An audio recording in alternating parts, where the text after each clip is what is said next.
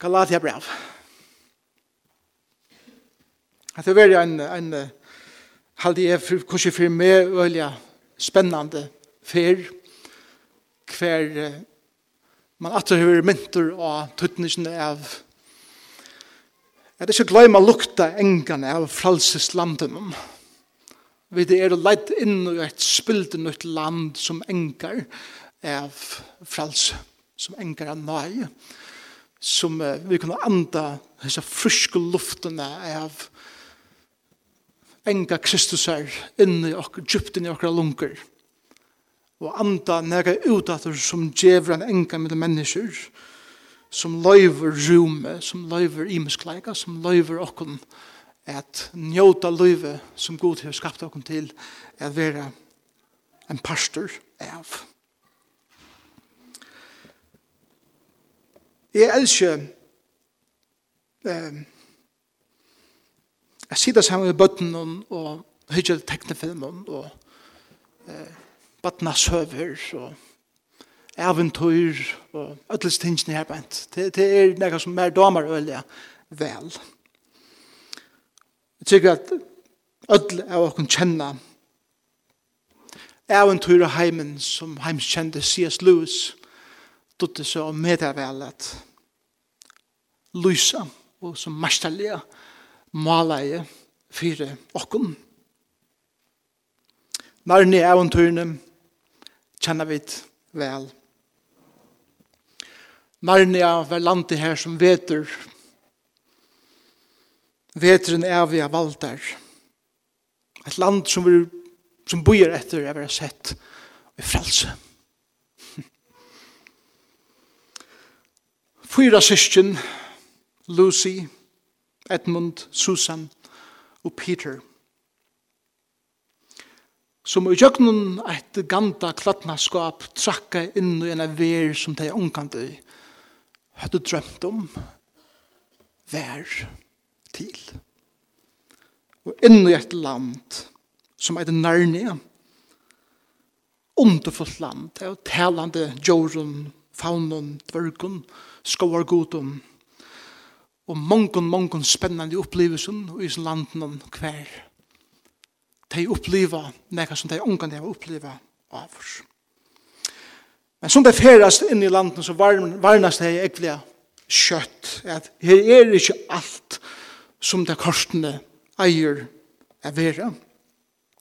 Og det finner kjøttet av at det eneste som kunne bjerga nærne er Leivan, Aslan.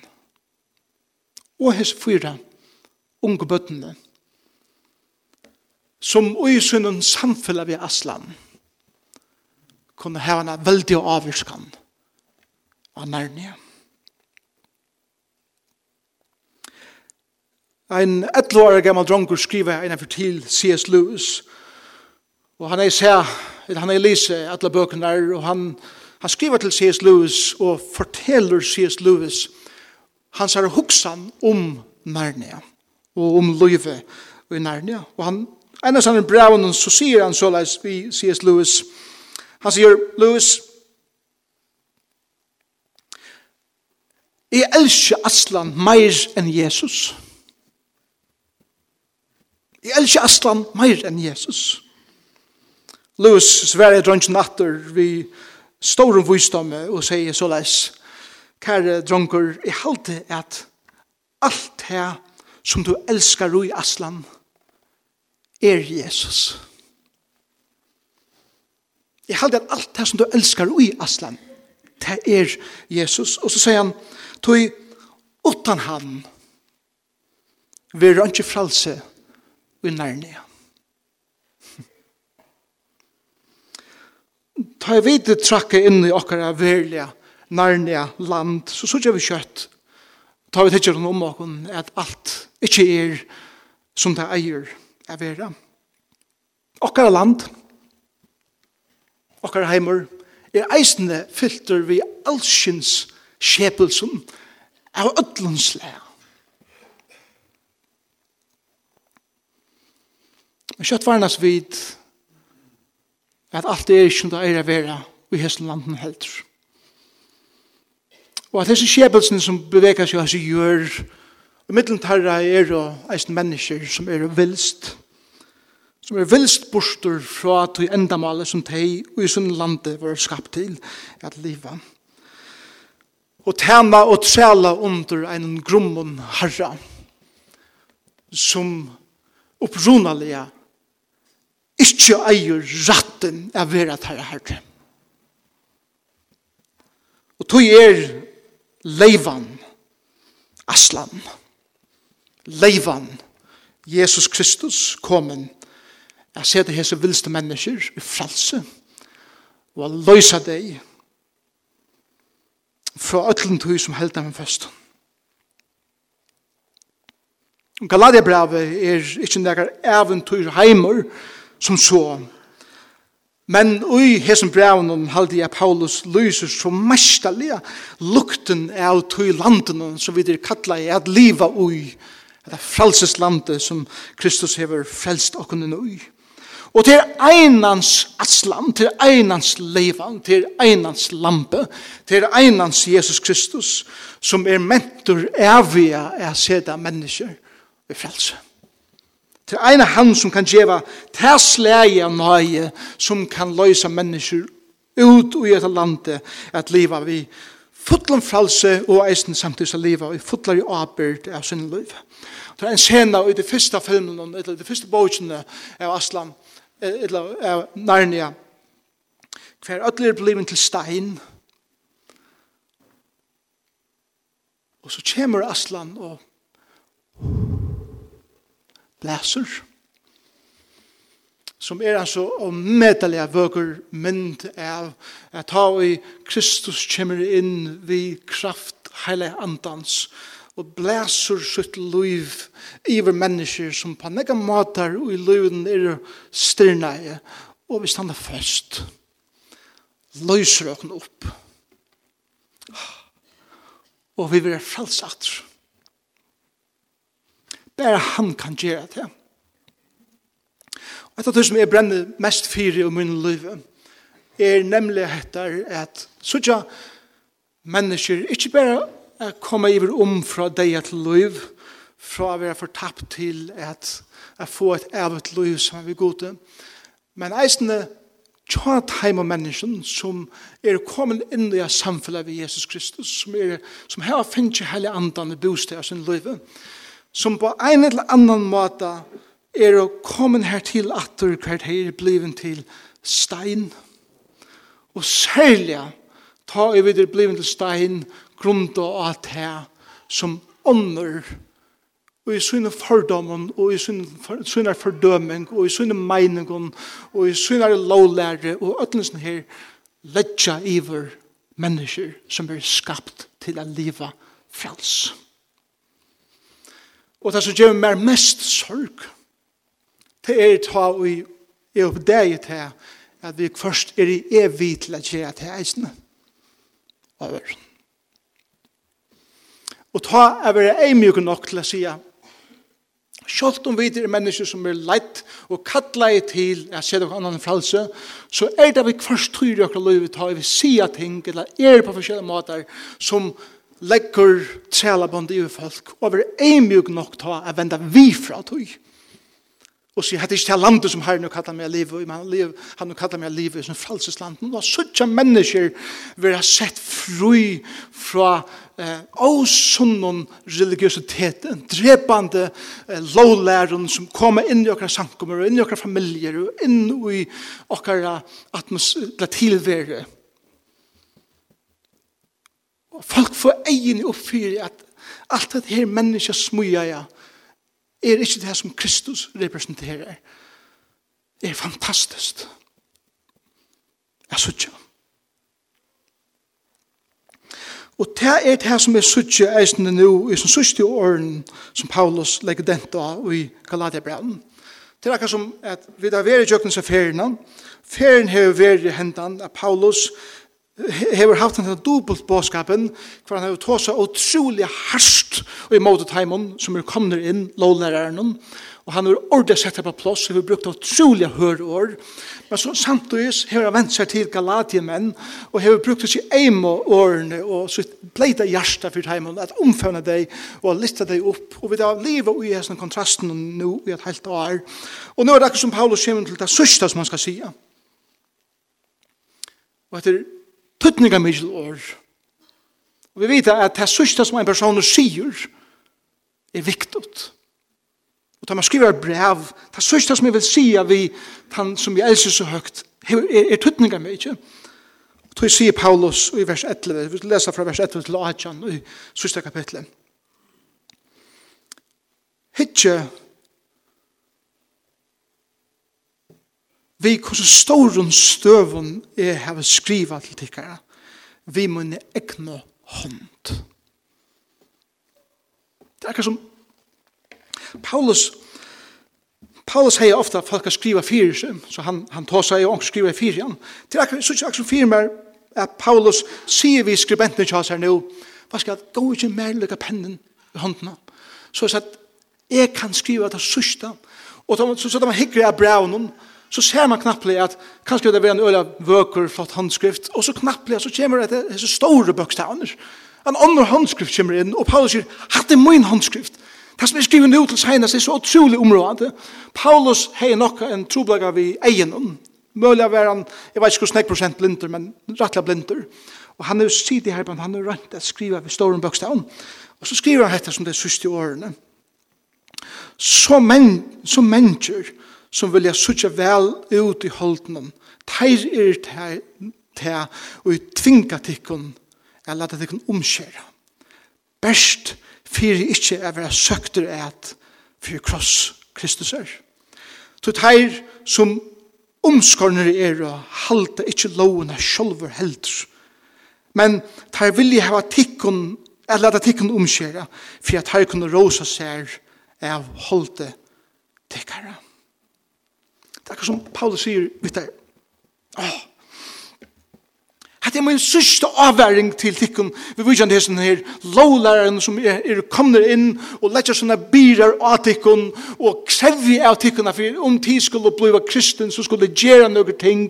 Og han sier at tar leggja birar i tikkun som tar ikke en gang klare å bæra sjolver men ta legger det av deg om bær for jeg kunne vise øren at vi heva maktene iver hesson folkene.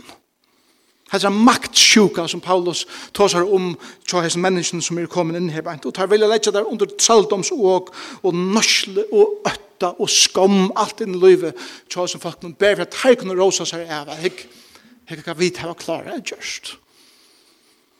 Og Paulus avværer deg og han avværer deg og han kveitjer ut av hettar at tåra er stande opp i måter religiøsitetet som er kommet inn. Men så sier han, og nå vender han tånen, nå vender han tånen deg, men er lengt vera fra mer, at dråsa mer, av nøkron utan hesen eina, og det er krosset her okkara, Jesu Kristus. Vi kører en heimerne krossfeste mer, og og i heimen. Tøy kvørse til at vera omskåren, eller til at vera omskåren, er neka. Det er ongan tøtning til alt som er alt. Ongan tøtning.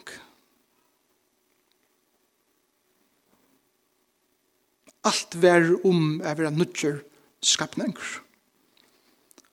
Og så mange som hese regler fylgja i vitt heimen vera frigjur, og meskun og i vrusett skots. Heretter gjer jeg ikke mer ofri, to jeg ber mest Jesus her allika med munnen.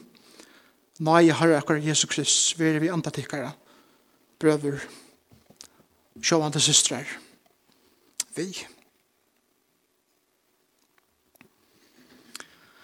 Så gjør det fokuset på lovlæreren og religiøsitetet er alltid av seg sjølvan. Hva kan jeg uita for å får kontroll og makt i røren? Fokuset Paulus er av krossen. Fokuset Paulus er av Kristus. Og han sier at, at, at det fokuset som vi eier heva, som livet i som frelseslanden, er at for en og fire, at krosseren er det sentrala i ødlån.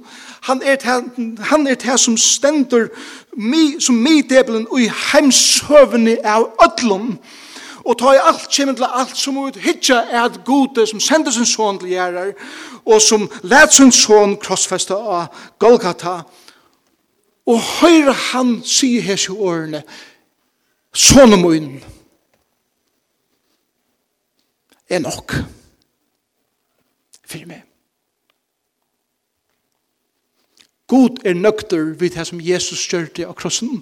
Og to er på oss ønske eller ikke treet for å gjøre det som Jesus gjørte mer fullkomne.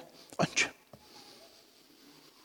God er nøkter vid at Jesus bredde sånne armer ut av Golgata krosset og døye for hemsens synd herbeint. Og det eneste som vi vil gjøre er at jeg motor tog i trygg og takk henne for at han har gjort hatt det for meg. Og ta i gode nøgt til det som Jesus kjørte, burde vi ikke eisen være til. Og vi er være bjerga fra hesten at, åh, oh, er jeg noe god nok? Burde jeg ikke kanskje kjørt hit etter at, burde jeg ikke kjivi pæt ved hinnen og øtlensen her, og ta bliva bare forringer til mennesken, og vi skapa forringer fire mennesker å komme til krossen, som man ikke kommer her til via sida hans tingene. Glede i bådskapen er Kristus er nok, Og ikke annet skal til at se at for at du kan komme inn i et liv sammen vi hånden. Det er det som Paulus vil sige. Og han sier at ørselig det av tog er til at du er sånn nødtjur skapninger. Til når jeg spilte nødt som er hent inn i livene til at her. Et godomlet liv er byrjan. Et liv som, som ikke er øtt er øtte, som ikke er skom, som ikke er henne tunga byran av noen trela kjenten, men så løyv hver, hver, hver det er grunda i kærleika, hver det er grunda i disse gledene, at jeg er godtisjen, og er, jeg finner gavene, jeg finner styrkjene, jeg finner viljan, jeg tjener aslan, at fylltjast vi honom, at fylltjast vi Kristus i jøkna hennan heim, Og treldommer og nørsla og øtte kan fære av venom til at disse nødgjeskapningene er skapt inn i en dimensjon hver falsi og abyrd og kærleik og glede og frier er det her som ræver i sin landen og det er her vi skulle liva.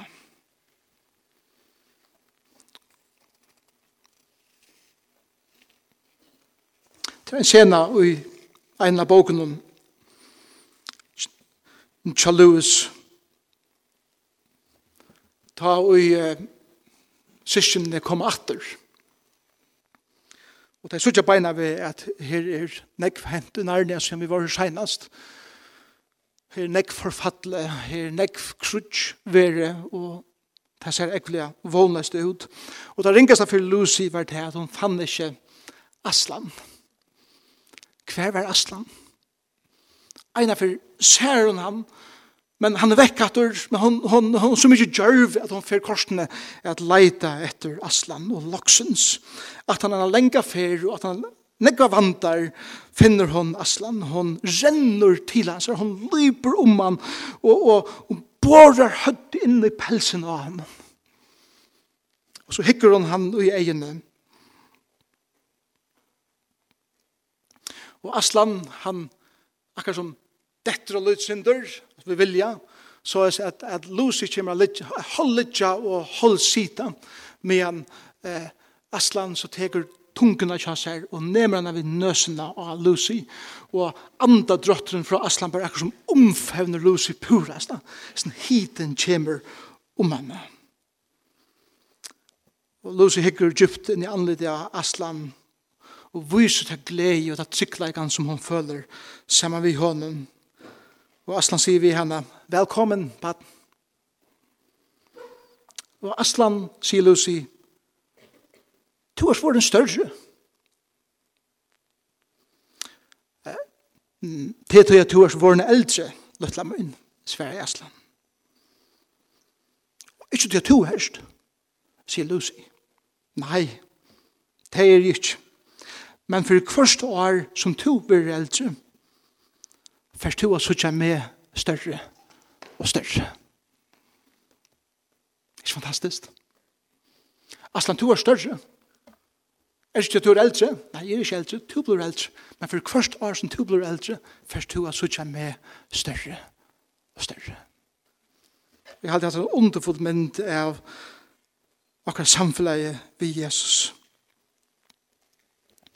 Henne mynden av at som Lucy er kunne ruttla seg inn i hans her pels, inn i hans her faunar, kjenne seg fullkomlig tryggan, kjenne seg fullkomlig elskajan. Og oppleve etter at han nemer sina tungo vi akkurat nøs og leder sin anda omfevna okkon så er vi føler okkon fullkomlig trygg. Og tas eldre vid veran, det større for Jesus det bliva. Det viser vid vera. Det underfotlar for Jesus er vera. Og det snarre vi kommer himmelen det større for forløtene vera at vi vil suttje han enn det eia til eia. Jeg husker om sørste år Jesus er av krossen, eller nøkker at han sørste årene som han sier av krossen. En av de setningene var i det skal to være vi mer i paradis.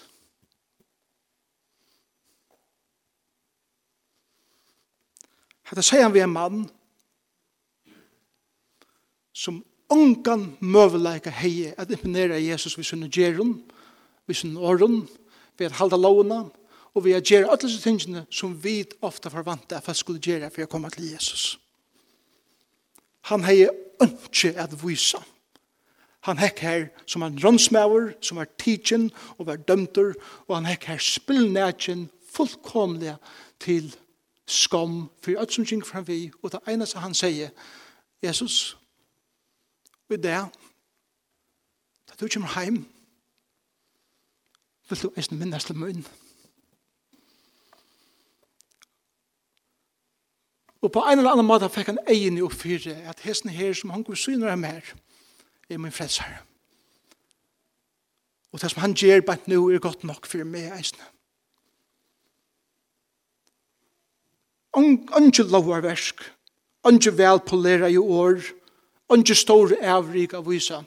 Og Herren spyr ikkje etter tøy ut hun liv og i mun liv. Han spyr heller er så imponerer av tøy som min son har gjørst, og Det er stor versk og kvil og tøy. Når Nægra mannar at han Da nægra få mannar Arjen C.S. Lewis døye C.S. Lewis døye når han tror jo trus. Da skriver en ung jenta et brev til C.S. Lewis. Og han ville gjerne få vite om flere Narnia-bøker for å komme ut. Hun er lige kjattler, kommer mer. Og det var ikke så at brevet som C.S. Lewis skriver til seg jentene var eisen en øyla velhøskende farvel til alle sine halka og lesarer. Og han skriver såleis, Gåa Ruth, tusen takk for brevet som du skriver til min. Jeg er så glad for at du har skrivet, og jeg er så glad for at jeg damer mine bøker. For jeg er kjent du tunne aldri du, du omedelig vel at skriva. Og Jeg er ikke fein å si at her at, du held, at om du heldur av at elska Jesus, så får ikke nekva genga gæl i tunne livet, og jeg vågner at du alltid først at elska ham. Jeg er eisen så omedelig glad for at du har skilt landa båskapen i nærne eventyren. Det er løye. Fleste bøten skilja alltid landa båskapen, men det er vaksne, nesten omkant så sier han, jeg vant det at nærne eventyrene nå er kommet av enda. Og jeg kjetter jeg å si at det er at du skal ikke råkne vi at flere bøker for å komme ut. God sikne til, helsam, sies løs. Men vi vet, vet Ja, selv om flere nærne bøker ikke kommer ut, så enda er ferien ikke her. Og jeg rønner å være å begynne ferien her ta bøkene enda av, tog jeg det beste var etter, nemlig himmelen. Og vi enda av nærne av turen, sier C.S. Lewis så leis. Men det som begynte å hente etter dette, var så underfullt og så vekkert. Ja, det kan ikke lyse at her vi åren. livet levde vel og lunge her etter, sier eventyrene. Men for åkken, er hetta bare spyrjanen til verlige søvnene. Liv tarra i Jesu ver, i Jesu ver og all opplevelse tarra i Narnia var bare perman og iveskriften til bøkene. Nú laksens, byrja i første kapittel og i evige søvnene som ungen av hjørne enn hever lyset Og her hver kapittel gjørs bedre og bedre enn han som vær framanundan. Og hva det bra å hei givet okna smakk av hesen, av til fralse, som Jesus hei lagt okna i, som trykva han. Og hver år kunne enda bedre et brev enn hesen som Paulus sier, Nøye, Herre okkar Jesus Krist, være vi anda tikkara. Men vi vet ikke enda søvann her? Nei, faktisk, og i røndu vøre, byrjar søvann her. Toi, det beste er etter himmelen. Stegi her frelsar i okkara er og i atler hever. Og det som byrjar at henda etter etter er så underfullt og vekkurst. Ja, det kan ikke lysa det her i åren. Amen.